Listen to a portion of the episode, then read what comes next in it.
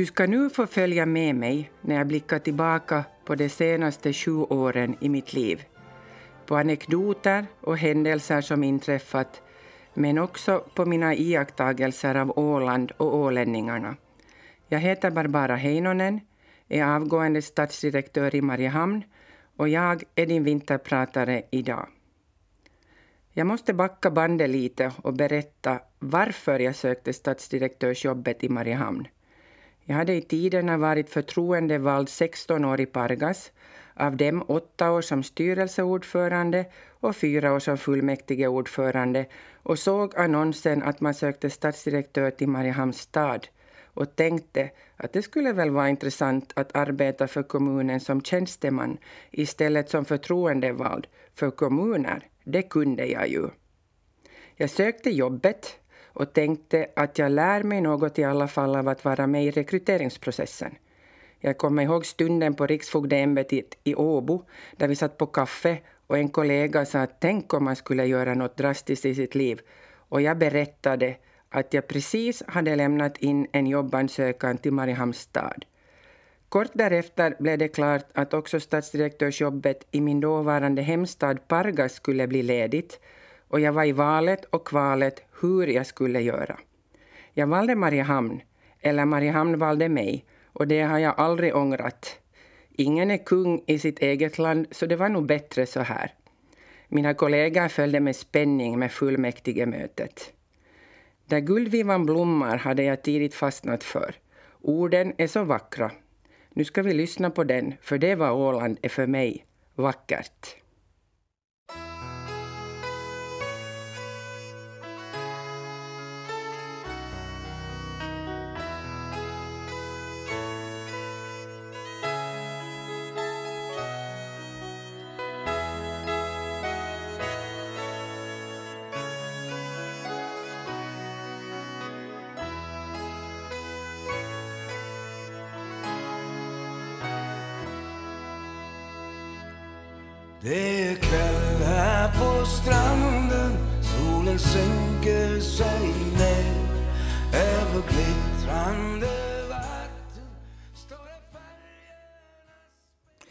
Var nog modigt att välja mig till stadsdirektör har jag efteråt kunnat konstatera när jag trots allt inte är ålänning.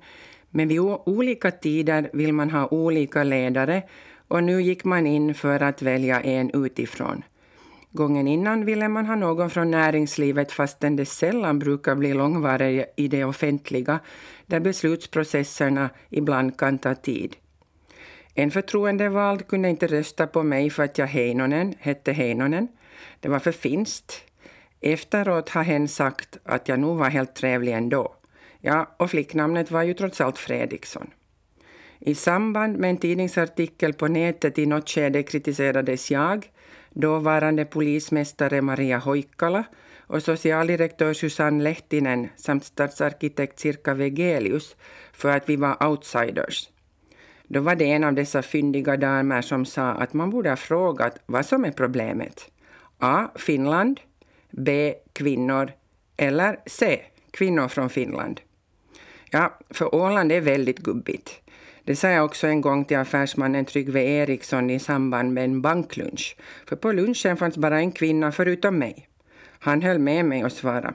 Jo, det märkte jag när du kom in i din gröna kavaj. Det är inte av ren illvilja man väljer personer till olika poster från egna nätverk, precis så som jag valde svenskspråkiga vikarier från min studietid i Åbo till vikariat i det finskspråkiga Sankt Karins. Men det är därför det behöver uppmärksammas, för vi behöver få in olika kompetenser. Och det är en av orsakerna till att jag bestämt mig för att ta jaktkort, vare sig jag vill jaga eller inte, för att komma in i sådana nätverk där jag har märkt att besluten fattas. Nåja, skämt åsido, men sagt är sagt.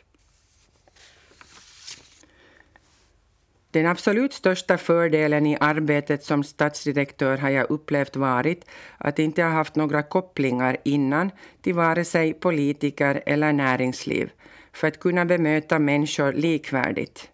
Jag tycker om människor, men inte sådana som arbetar för egen vinning eller tror att de är oersättliga. Vi är lika oersättliga som gropen som fylls när vi lyfter fingret ur vattenglaset. När det stod klart att det skulle bli Åland och Mariehamn frågade Nordkalks dåvarande ekonomichef om jag vet hur ålänningarna simmar. Nej, svarade jag. Då visade han mig hur man simmar bröstsin omvänt, det vill säga man hopar åt sig. Någon sanning i detta finns det väl, för stadsarkitekten berättade om de hårda förhandlingar ledningen för Viking Line förde med finska staten om statliga stöd för byggandet av ett nytt fartyg, det vill säga Viking Grace, under förra depressionen. De visste nog inte hur hårda åländska förhandlare de hade emot sig, sa hon. Jag har berättat för mina gäster i stadshuset om Gustav Eriksson som fick blivande kaptener att betala för möjligheten att jobba ombord ett segelfartyg eftersom de behövde göra det för att få ut sina kaptenspapper. Att man nog kan det här med att göra business på Åland. Jag kommer ihåg när jag satt i bussen på väg från Långnäs mot Mariehamn inför första arbetsdagen att jag funderade över vad jag riktigt gett mig in på, för jag visste att det skulle bli en hel del resande de kommande åren mellan fastlandet och Åland. Det skulle varit bra med den där privata helikoptern, en sån där som Anders Wiklöf har. Så skulle det varit lätt att förflytta sig mellan Åboland och Åland, mellan det bästa av världar. De flesta som kommer till Åland för att jobba har haft någon tidigare koppling till landskapet. Antingen har man studerat här, jobbat någon tid eller så har man släktrötter på Åland. Jag hade jobbat på fogdeämbetet som vikarie en kort tid. Det var första gången jag stiftade bekantskap med hembygdsrätten och att man alltså på grund av den inte kan sälja fastigheter till vem som helst vid exekutiva auktioner och att Åland har egna lagar. Än idag vågar jag inte uttala mig vilken lag som gäller för det kan finnas egen lagstiftning på området. Som grundregel har jag i alla fall lärt mig att det som berör människan har man egen lagstiftningsbehörighet på. För att flytta till Åland behöver också båda parter få arbete om man lever i ett parförhållande. Så det är en dubbel utmaning att flytta och det är kanske fortfarande lättare för en kvinna att följa mannen. Redan första dagen kunde jag konstatera att det jobbade trevliga människor på, på stadskansliet och i stan. Den proffsiga kanslichefen Emma Dahlén tog väl hand om mig och vi kurvade runt i några dagar till stadens olika verksamhetsställen. Allt var ju nytt. Södra stan, norra stan, skolor, dagisar, Tekniska verken, vad var det för ett slott? När jag besökte Övernäs skola var det som att komma till min gamla lågstadieskola Malmskola som också är ritad av arkitekt Bryggman. Och tegelgolven, tegelväggarna, dörrarna och trapporna var bekanta. Det var som att komma hem och därför ska vi lyssna på den julsången.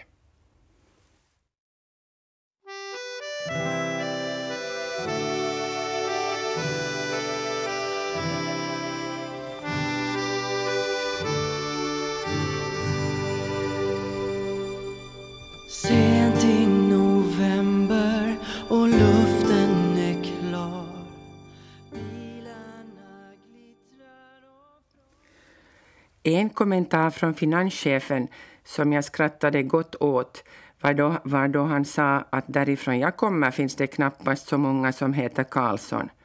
Nej, i Pargas är det vanligaste namnet faktiskt Karlsson. Det råkade sig till och med så att jag en gång ringde till Peter Karlsson i Pargas och inte till finanschef Peter Karlsson på Mariehamns stad, för finanschefen hade gått och gift sig och hette inte längre Peter Karlsson med C, så jag hade två Peter Karlsson med K i min telefonlista och ringde alltså fel. Vid ett dagisbesök tillsammans med dagvårdschefen hörde jag någon viska. Ska hon börja jobba här? En tid tog jag min dator och gick ut i verksamheterna och jobbade därifrån en vecka i taget för att lära känna personalen bättre. Det är nog så flera av oss kommer att kunna jobba i framtiden. Alltså att inte behöva egna arbetsrum utan jobba i princip varifrån som helst. När jag var på Tekniska verken och gjorde en ny hälsningsrunda dag två och presenterade mig för en person jag inte sett den första dagen och sa hej, vi sågs inte igår, frågade han Hej, vem är du då? Det är inte så konstigt att avståndet mellan stadshuset och verksamheterna ibland känns väldigt långt.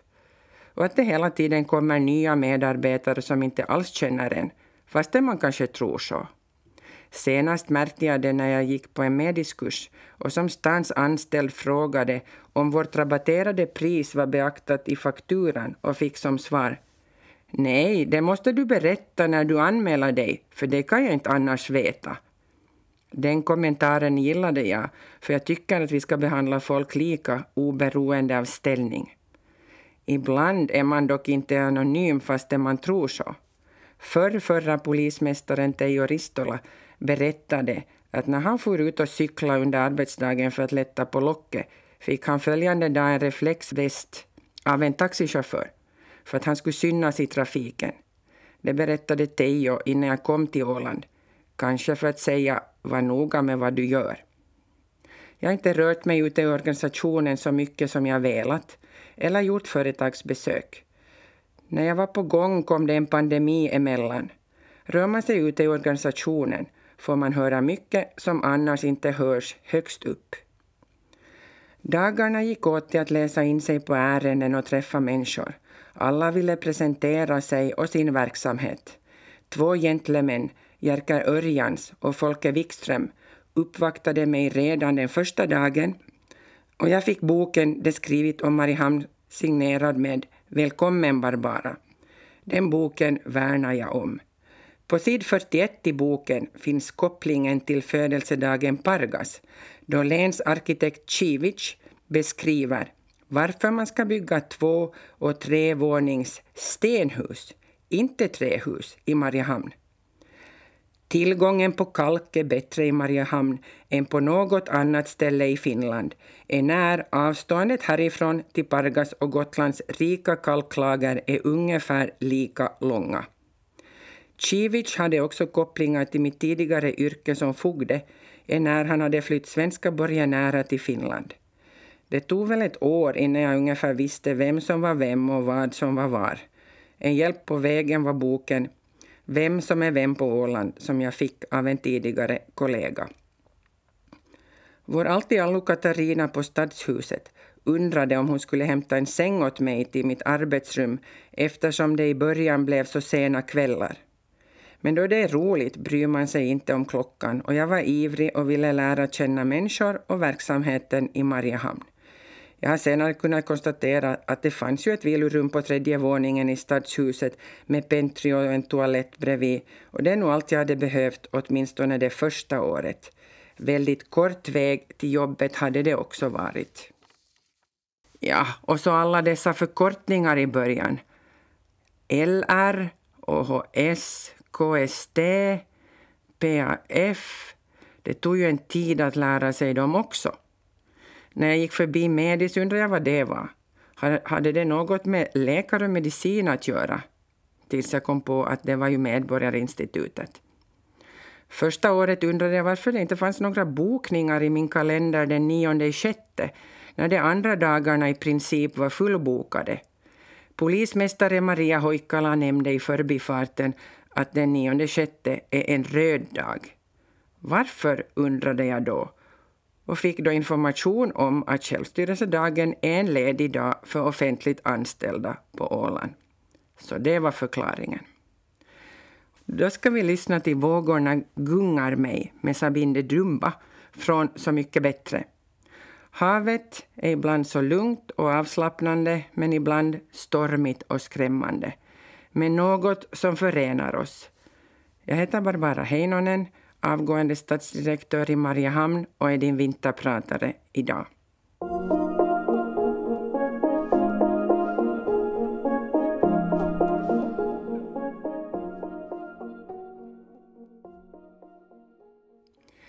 Jag ville höra vad Mariehamnarna hade på hjärtat och beslöt att vara anträffbar på biblioteket några dagar i början av min stadsdirektörstid för att stadsborna skulle få komma till biblioteket och träffa mig.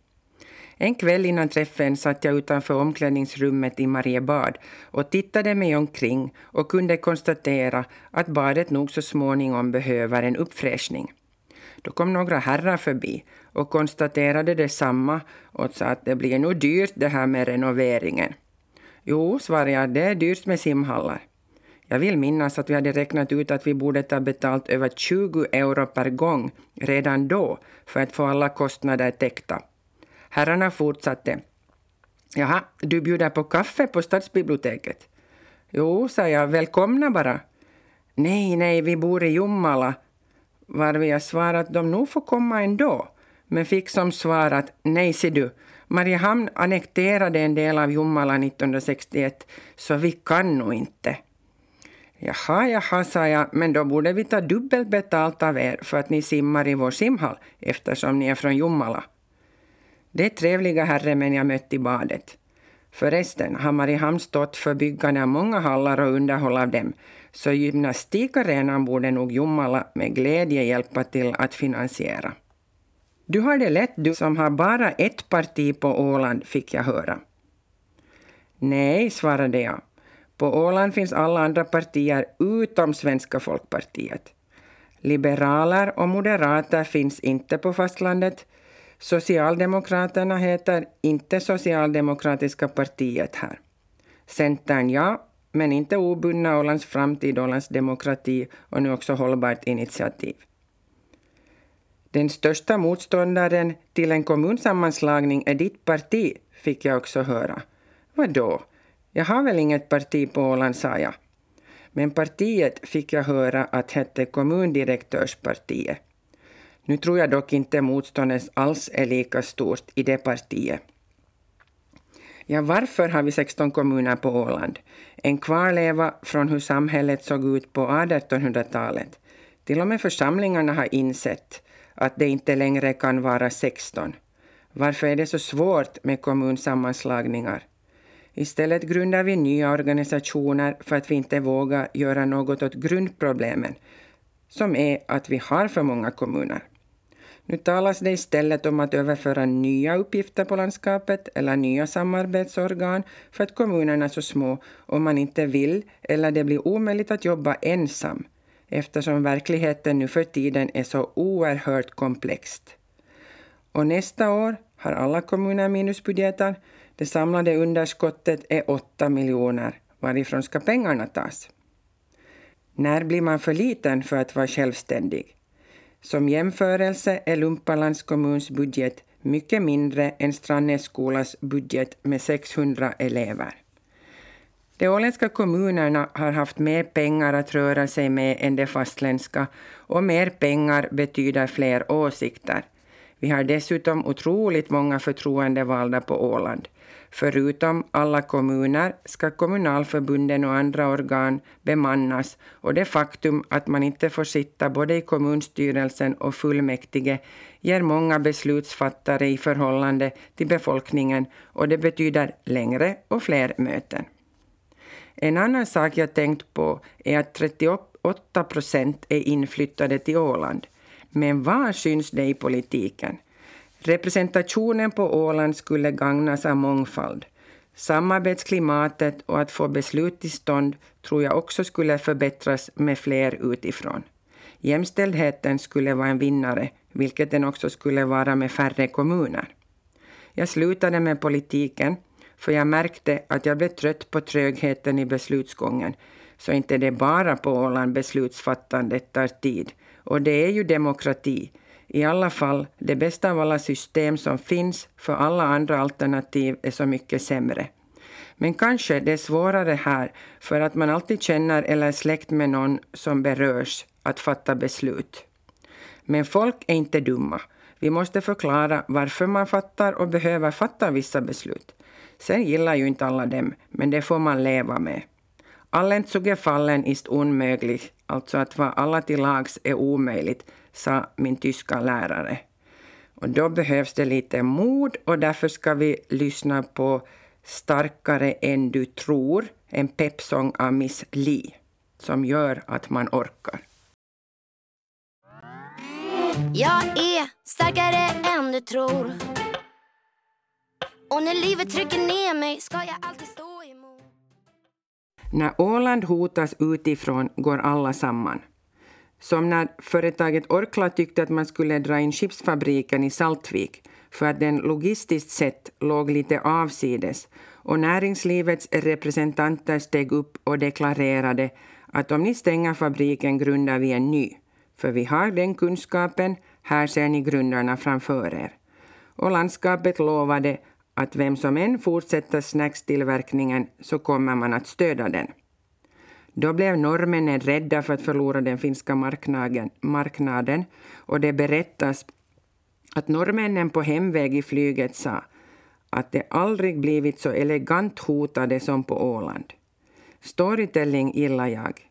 En berättelse jag kommer ihåg är förra stadsdirektören som berättade om Trobergs donation för byggande av kyrkan och prästen i kyrkan sa att då datorn önskade förbli anonym varvid Troberg steg upp och sa Ja, jag tyckte det skulle vara bäst så.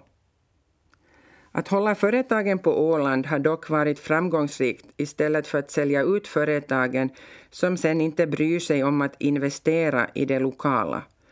Företagen tar hem funktioner och det skapar arbetsplatser lokalt.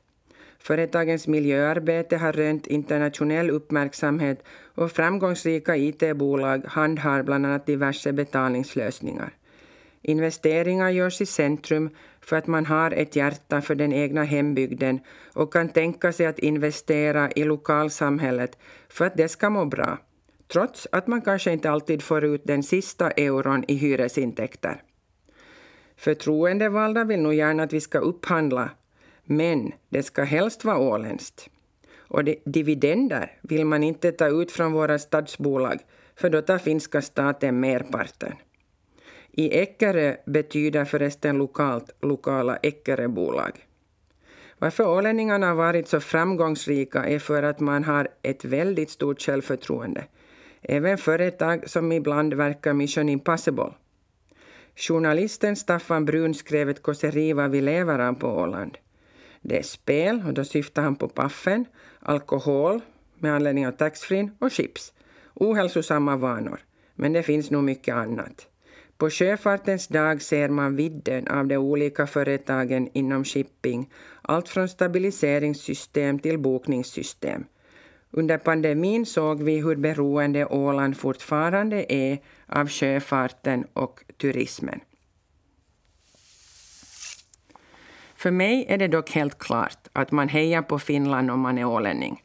Att i ishockey heja på ett annat lag än Finland, det är helt otänkbart. Eller gå i svedubastu, en sån där bastu som är bara ljummen, ni vet. Jag visste, och de flesta på fastlandet vet nog inte så mycket om Åland. Ålands frågor under historielektionen i skolan intresserade inte, trots att historia var mitt bästa skolämne. Men inte vet man my hemskt mycket om Finland på Åland heller. Det man ändå ska komma ihåg är att om inte Finland krigat för sin och Ålands självständighet hade det inte heller funnits något självstyre på Åland utan vi hade alla varit en del av östblocket, vilket Sveriges generalkonsul Ehrenkrona sa i sitt tal i Stadshuset på Finlands 100-årsjubileum. I händelse av krig är Åland på grund av sitt strategiska läge synnerligen intressant. Hmm, då kanske det är bra att det finns så många vapen på fredens öar. Det var ett skämt. Tryggt och säkert är det nog ännu på Åland, men säkerhetsaspekter behöver nog beaktas. Jag har inte gillat tonen mot Finland de senaste åren. Man får kritisera, men då ska man ha sopat rent framför egen dörr först. När Sibelius Finlandia spelas kommer känslorna. Efter att jag på Finlands hundraårsdag hållit ett tal på torget minns jag det förvånade suset som gick i publiken då en plog av Finlands nationalfågel sångsvanen flög över oss på samma gång som nationalsången Vårt land sjöngs. Det var en mäktig händelse.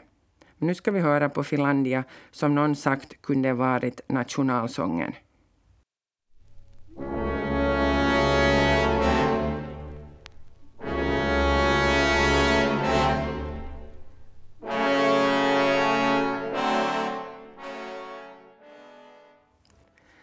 Åland borde satsa på sin högskola och högskolan borde bli attraktiv för studeranden utifrån för att få utbildat folk som vi så trängande behöver. bygga campusområde, samarbeta mera inom den högre utbildningen på fastlandet och i Sverige.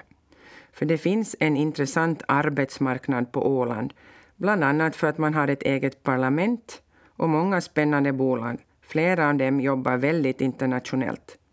Men jag tycker mig ha märkt att man på Åland i alla fall tidigare inte riktigt uppskattat utbildning utan hellre sett, sett att man är en så kallad self-made typ.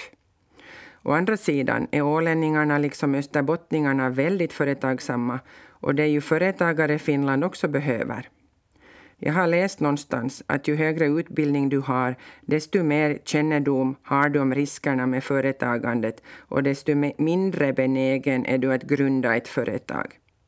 Att bygga idrottshallar har man däremot satsat på och det är ju bra för folkhälsan att man får utöva många olika sporter på bekväma tider.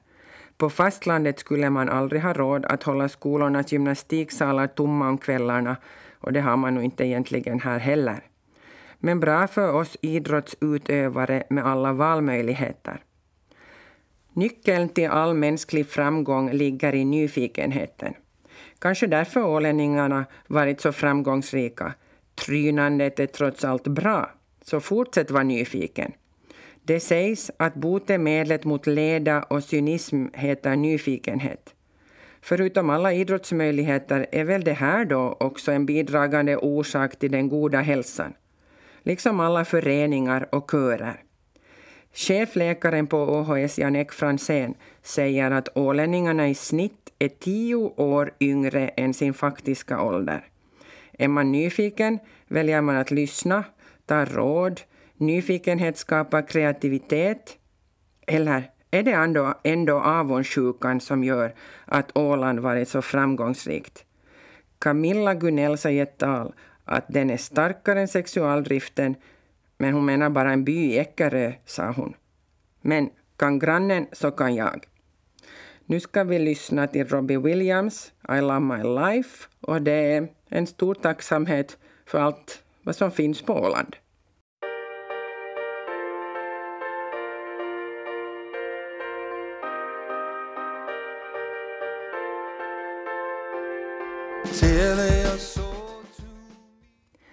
Fastän en lärdom är att man på Åland inte vill bli jämförd med andra, det fick jag mig fort berättat, valde man just mig för att jag kom bort ifrån. Men jag fick inte säga att så här och så här gjorde vi i Pargas. Nu blir det väl så att jag kommer att säga så här gjorde vi i Mariehamn. Så behöver man i något skede av sitt liv studera eller jobba utanför Åland för att ha något annat att jämföra med vilket förra rektorn på högskolan Edvard Johansson påtalat många gånger.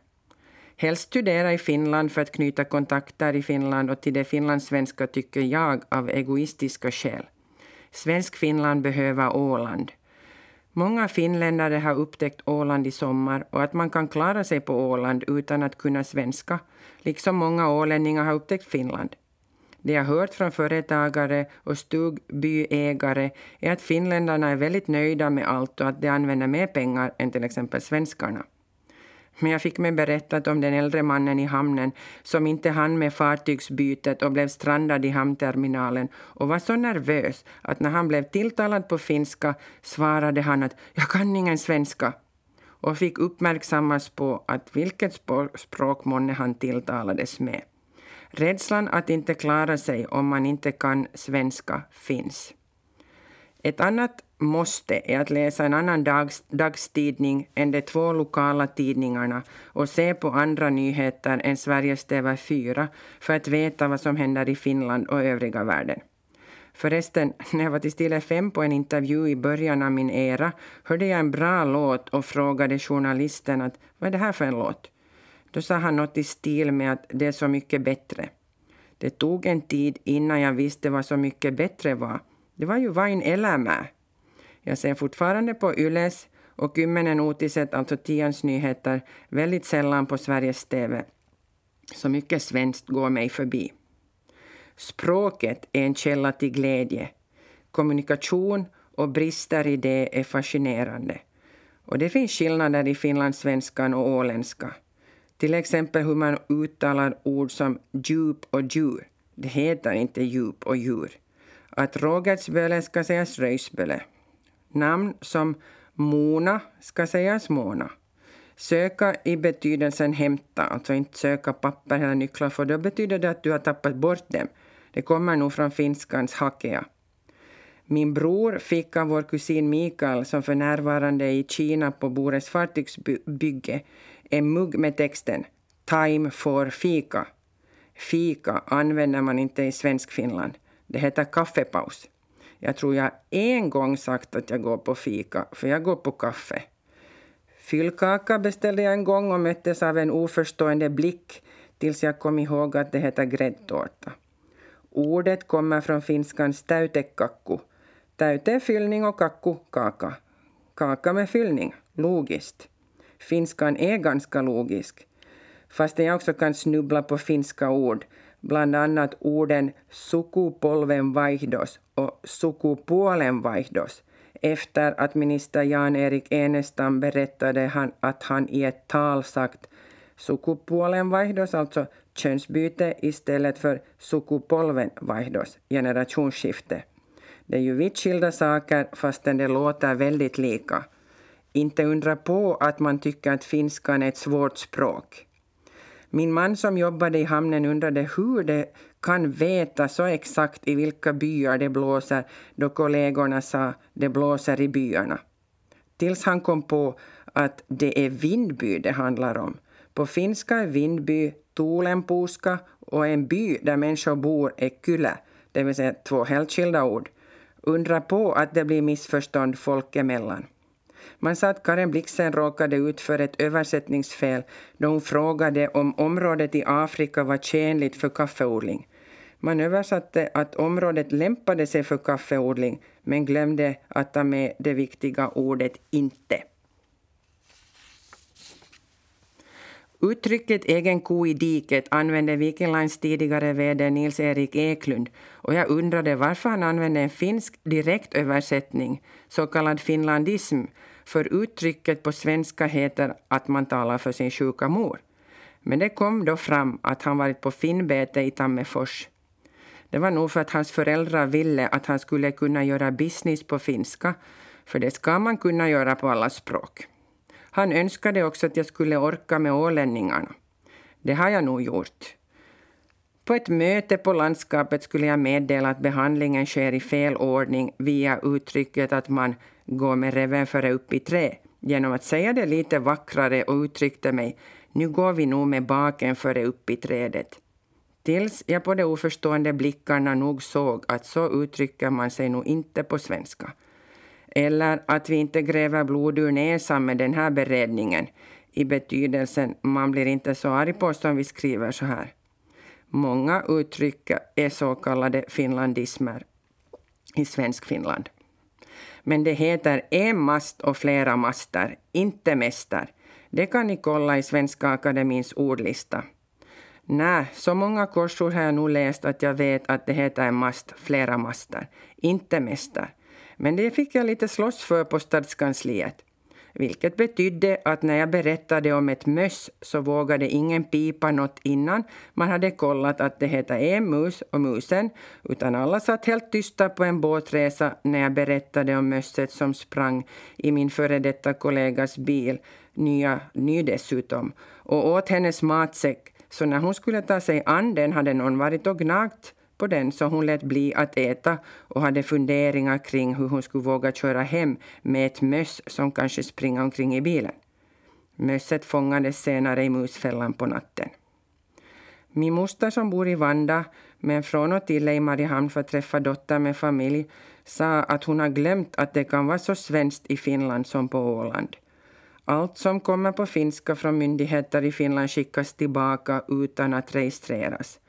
Men när man en andra gång hamnar i karantän får man nog svära på finska enligt styrelseordföranden i alla fall. Men vad vi sa tål inte att upprepas. Men jag kan berätta att den åländska styrelseordföranden nog kunde svära på finska hon och. Man tror kanske ibland på fastlandet att det är av illvilja man inte talar finska, men många på Åland kan helt enkelt inte språket. Ibland hamnar det på Stadskansliet att gissa vad det ska beställa ur Hansels katalog genom att titta på bilder. Att fira svenska dagen 6 november på Åland är därför inte viktigt.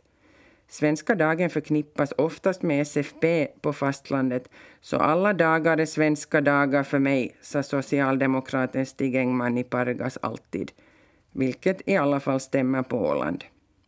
Men engelska är ju lika mycket ett främmande språk.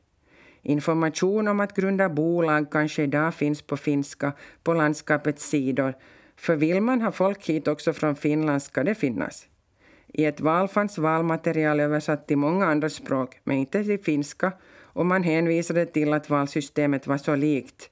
Men då kanske material inte hade behövt skickas på svenska heller.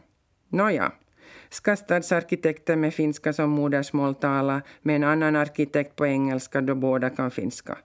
Språk är en rikedom. Ju fler språk man kan, desto bättre. Ibland får man vara lite pragmatisk människor emellan, såsom att business kan man göra på alla språk och kärleken fungerar på alla språk, bara man ser till att myndighetsspråket hålls svenskt.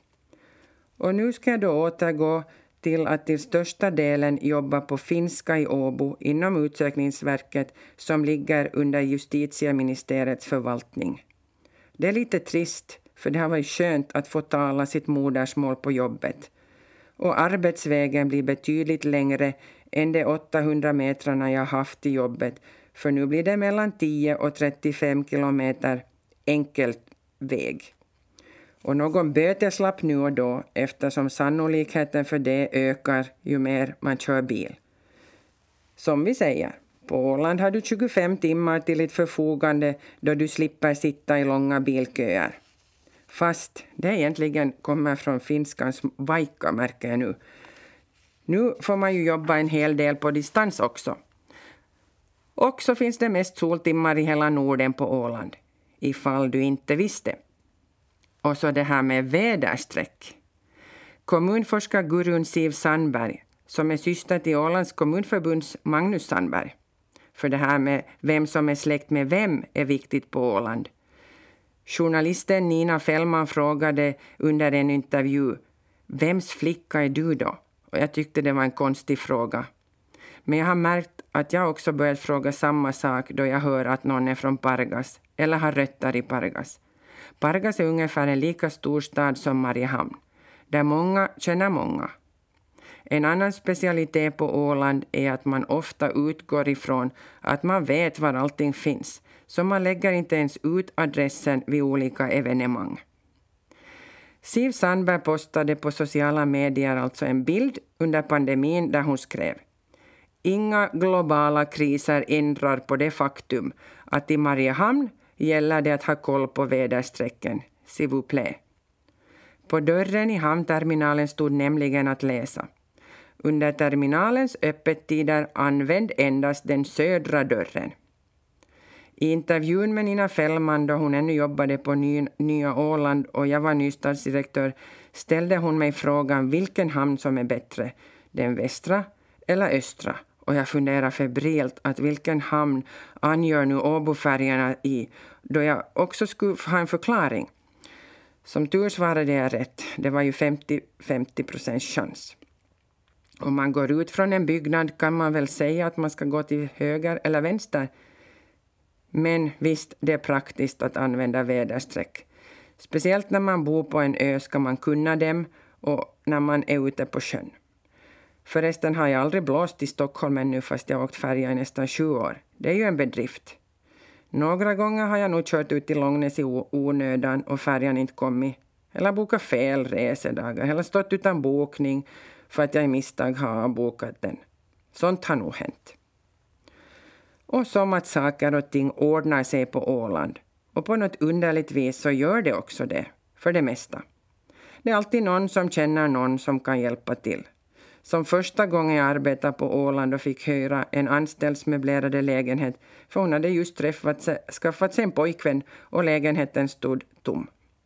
Jag noterade för övrigt att hon inte hade finska kanaler i tvn och undrade hur jag skulle få fram dem. Men det fanns inga finska kanaler i det husbolaget. Då jag blev vald till stadsdirektör erbjöd sig en tidigare kollega mig deras möblerade lägenhet. medan de själva fortsatte att bo på den vinterbonade stugan. Precis som under stormen Alfrida då människor bjöd nödställda in till sitt hem på mat och värme. Man tar hand om varandra. Är det en tävling i Sverige och man vet inte hur man ska ta sig dit är folk väldigt hjälpsamma och säger du får säkert åka med den och den. Och det får man också om man ryms med. Helt vilt främmande människor, men som man blir bekant med under resans gång. Som när jag skulle till Vansbrosimmet och nuvarande lantrådet Veronica Törnros tipsade om sin syster och sambo som jag kunde hänga med dit. Nu ska vi lyssna på en sång som jag har hört väldigt många gånger här på Åland. Och det är I did, I did it my way med Frank Sinatra. Och det gör vi väl alla. Vi går våra egna vägar.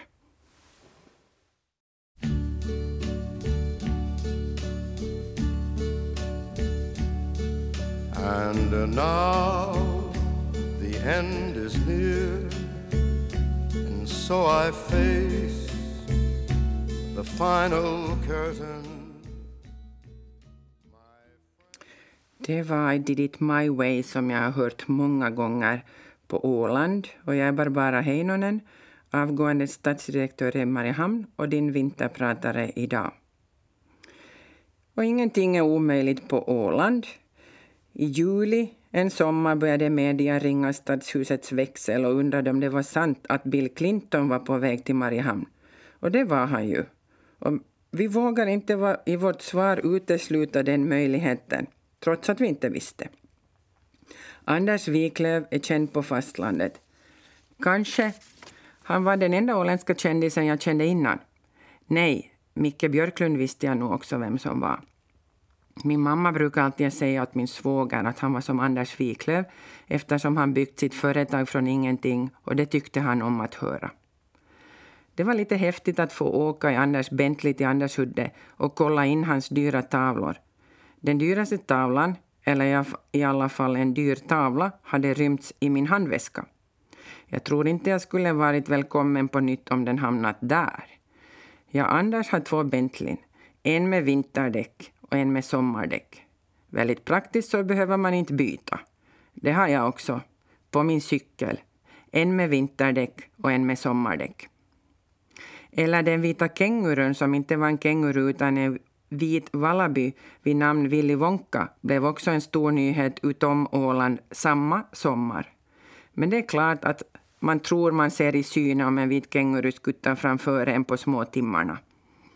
Fick frågan när jag kom på jobb om jag råkat se en. En bäver har vi ju nu. Stackaren lär få leva ensam. Vildsvinet någon, någon hämtade hit en gång förökade sig som tur inte. Kanske var det SGT-behandling. En förkortning jag fått lära mig. Skjut, gräv, tig. Tiga som de en jägare sköt en dam i benet och alla vet vem som det är men ingen säger något. Hjorten blev ju fel också efter en förväxling med Öland då Åland fick grannöns hjort och Öland fick rådjuret med de finska rosorna. Öland och Åland, man kan ju höra fel. Fast, där kommer det igen. Ibland blir man lite trött när det blir för mycket fixande. Då gäller det att lägga på lite rödare läppstift bara, ifall man blir besviken som när husen på Kaptensgatan revs. Det är skämmigt för Mariehamn, tyvärr lite för amerikanskt, då man anser att samhället inte ska få säga vad man får eller inte får göra med sin egendom. Ibland kan man undra om Åland är så höger att alla får vara med och finansiera det de privata själva borde stå för. På fastlandet och i Sverige ansvarar fastighetsägarna för skötsel av trottoarer och gator till exempel inte samhället. Det är inte att vara socialist att ta tillvara vår historia och hävda lika behandling. Ibland har ett parti rätt, ibland ett annat. Men hävdar man självstyrelsen ska, ska man ta med tusan se till att själv följa lagar och att ett handslag gäller, eller hur? Nu ska vi lyssna till The Queens The Show Must Go On. För, fast man skulle vara ibland väldigt besviken, så går showen vidare.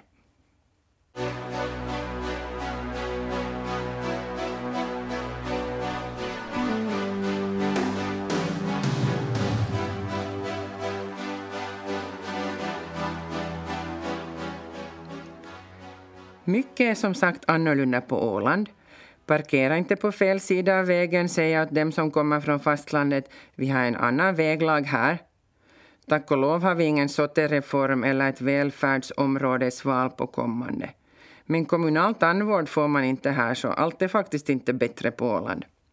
Läkemedelsavdragen i beskattningen är sedan länge avskaffade på fastlandet och borde avskaffas som onödig byråkrati, liksom det extra i reseavdraget. Det finns inte avstånd på fasta Åland att tala om och dessutom borde vi minska på bilanvändandet. Samtidigt skulle det gynna kommunerna i form av högre kommunalskatter med mindre avdrag. På Åland finns det fler bilar än människor. Helst skulle man vilja köra bilen in i butiken också, brukar jag säga. Och att friska fullvuxna människor inte har en ursäkt att inte cykla eller gå i Mar Mariehamn, där allting är så nära.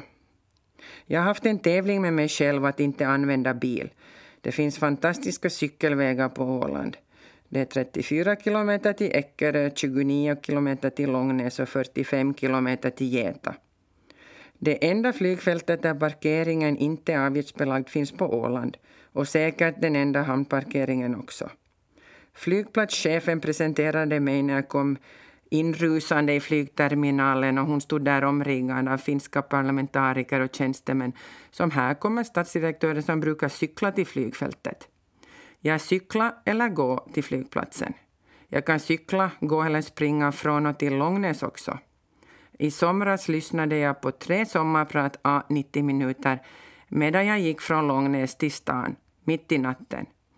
Åskmolnen cirklade runt och en bil som visade sig vara en taxi vände om och stannade och frågade om det har hänt något när jag böjde mig ner för att kontrollera att packningen skulle hålla vatten i händelse av regn.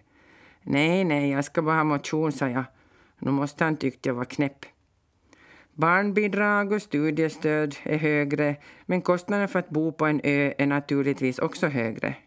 Men avsaknaden av en regionplan gör också att infrastrukturen blir mycket dyrare för alla. Den enda landshövdingen som finns i Finland finns på Åland. Ibland glömmer man nämligen bort, då man omorganiserar, att Åland har sin speciella status.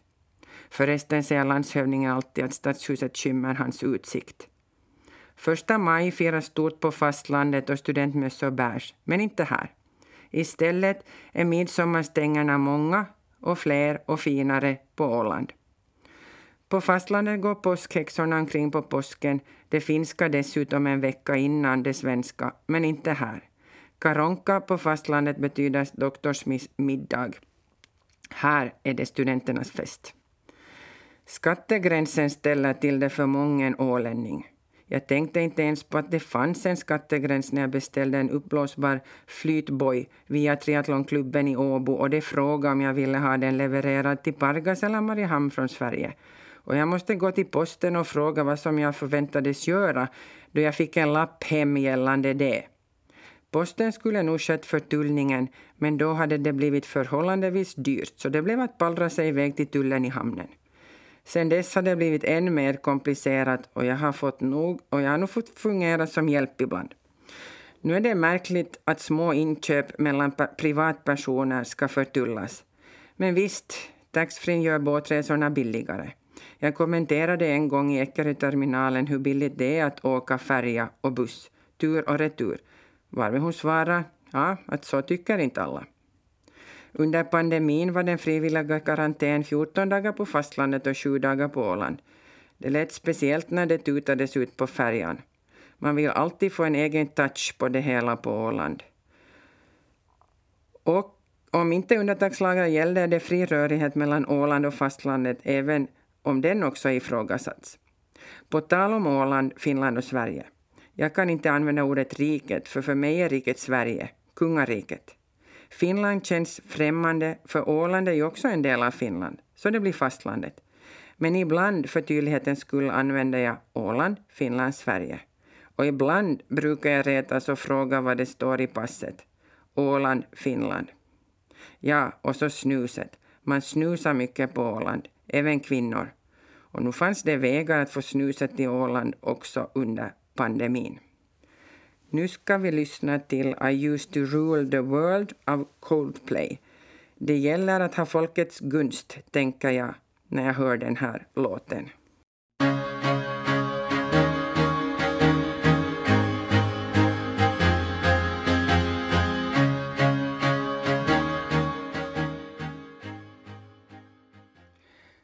Mariehamn är en speciell stad, ett Helsingfors i miniatyr. Kryssningsfartyg anlöper hamnen och på sommaren är känslan internationell. Som att vara utomlands, säger finnen. Sloganen ”Världens minsta metropol” som lanserades under president Halonens besök är inte helt fel. Dessutom är ju formen som Manhattan lite som en metropol. Oh, it looks like Manhattan, utbrast, utbrast också en grupp koreaner då de såg flygbilden över Mar Mariehamn. Så inte helt fel, nej. Och Gustav Eriksson, som är kännetecknande för det maritima Mariehamn, är känd världen över. Som när våra lobbar för Tall i Kanada så var det många som kände till honom. Mariehamns stad granskas ändå mer än någon annan kommun, trots att vi är bara en av 16 kommuner på Åland. Och ibland kan jag tycka att det känns lite orättvist. Kommunalt anställda mår bättre om politiker visar uppskattning, men det gäller också internt i organisationen. Då får vi bäst resultat. Vi har kommit närmare varandra inom hela koncernen Mariehamn. Både tjänstemän och politiker ska göra det som är bäst för Mariehamnarna och för att vara framgångsrik behöver man kunna komma överens och fatta beslut, bra eller dåliga, och så går man vidare. Invånarna vill inte ha stridigheter. Ibland kan en önskan gå i uppfyllelse om man får en för tidig julklapp. Stadsarkitekten har alltid sagt att när det riktigt kniper så kan man ena sig i Mariehamn. Och det var stort att man kunde ena sig kring centrumplanen även om man var av olika åsikt. Det kommer att uppskattas långt senare i historieskrivningen. Ja, nu ska jag knyta ihop säcken, packa kappsäcken. Mycket har förändrats, men inte allt. Länge hade jag alla mina tillhörigheter i en Ikea-kass. Jag fick ju komma till en möblerad lägenhet. Nu packar jag Clas Ohlson XXL-kassar och det räcker nog inte med en. Massor med kläder och kappsäckar fulla med minnen. Goda minnen och människor som jag gärna skulle ta med mig till nästa arbetsplats och boningsort. Trevliga människor, för det är dem man kommer ihåg med glädje. Visst kommer man ihåg Stalin och Hitler också, men inte med glädje i alla fall. Och ingen man skulle vilja ta med sig. Nej, makthunger är nog inte en egenskap att uppskatta. Lärdomar är lättast att ta med, nya värderingar, insikten att man kan leva och tänka annorlunda och se på saker och ting ur många synvinklar och det är fantastiskt. Jag har ett stort kontaktnät och har haft nog väldigt många besök från fastlandet och nu får besöken då börja komma till Åboland. Härifrån kommer jag att sakna bastudamerna Brains and Hearts. Den ena medlemmen undrar förresten om hon varit singel för länge då födelsedagsbarnet undrade om man tar med avec och hen började fundera på konjak och Baileys. FS-maffian, om ni ser någon med det smycket, take no shit, kan det hända att du ser en medlem. Partypants som fick sitt namn av att en känd politiker skulle hälsa gästerna välkomna på engelska och sa “their partypants” istället för “their participants”. Och min ledningsgrupp och styrelse. Vilket fantastiskt avskedsfest det ordnade i fredags lördags, förlåt. Så hemlaga Ålens där alla bidrog med ingredienser och program så som man bara kan här på Åland. Under anställningsintervjun fick jag frågan om jag har släkt på Åland. Jag svarade att jag har en farbror och två kusiner, men det visade sig att jag hade långt fler. Vi har varit sex kusiner här på Åland, men det kom jag på efter anställningsintervjun. Med kusin Pia hade det blivit många dopp på Lilla Holmen eh, på tid, i tidig morgon. Och mon, många middagar med kusiner och en som jag bodde tillsammans med i flera repriser. Man har ju en samhörighet och gemensamma minnen med släkten. Nu blir det inte lika många träffar och middagar i framtiden. Men allt har sin tid. Jag har haft 20 goda år och är glad över att ha fått leva och bo i Mariehamn. Jag har tyckt om mariehamnarna och ålänningarna. Nu får jag bli vanlig invånare. Jag skriver mig inte genast på fastlandet i alla fall. Jag kommer ihåg en rubrik Stadsdirektören fortfarande inte skriven på Åland. Kanske det nu står. Förra stadsdirektören är ännu skriven på Åland. En skolkompis som var här på sjöfartsdagarna sa att du kommer nog att få abstinens inom ett halvt år. Under juletider kan vi komma ihåg att kultur och böcker kan vara bättre än bantning och motion. Hör bara på stans kultur och fritidschef. Och äta äpplen. Jag skrev först Opplen, ni vet kampanjen Mitt Å. Mitt Åland, nej inte Öland utan Åland. För det finns ingenstans så goda äpplen som på Åland. Det är klimatet som måste göra det. Naturen på Åland är så otroligt vacker. Många fina vandringsleder som jag fått trampa. En paddlare från Sverige sa åt mig att det finns större chans att se en havsörn än en motorbåt när man paddlar i grunda vikar. Den gamla sinnesrobönen kommer i dessa dagar väl till pass. Ge mig sinnesro att acceptera det jag inte kan förändra, mod att förändra det jag kan och förstånd att inse skillnaden. God jul och gott nytt år. Ta väl hand om varandra och Mariehamn och välkomna till Åbo och Pargas. Men först är ni välkomna till Stadshuset i Mariehamn på kaffe eller fika min näst sista arbetsdag den 30.12 klockan 13 till 15. Skål! Drick med mig ett sista glas av Miriam Bryant från Så mycket bättre.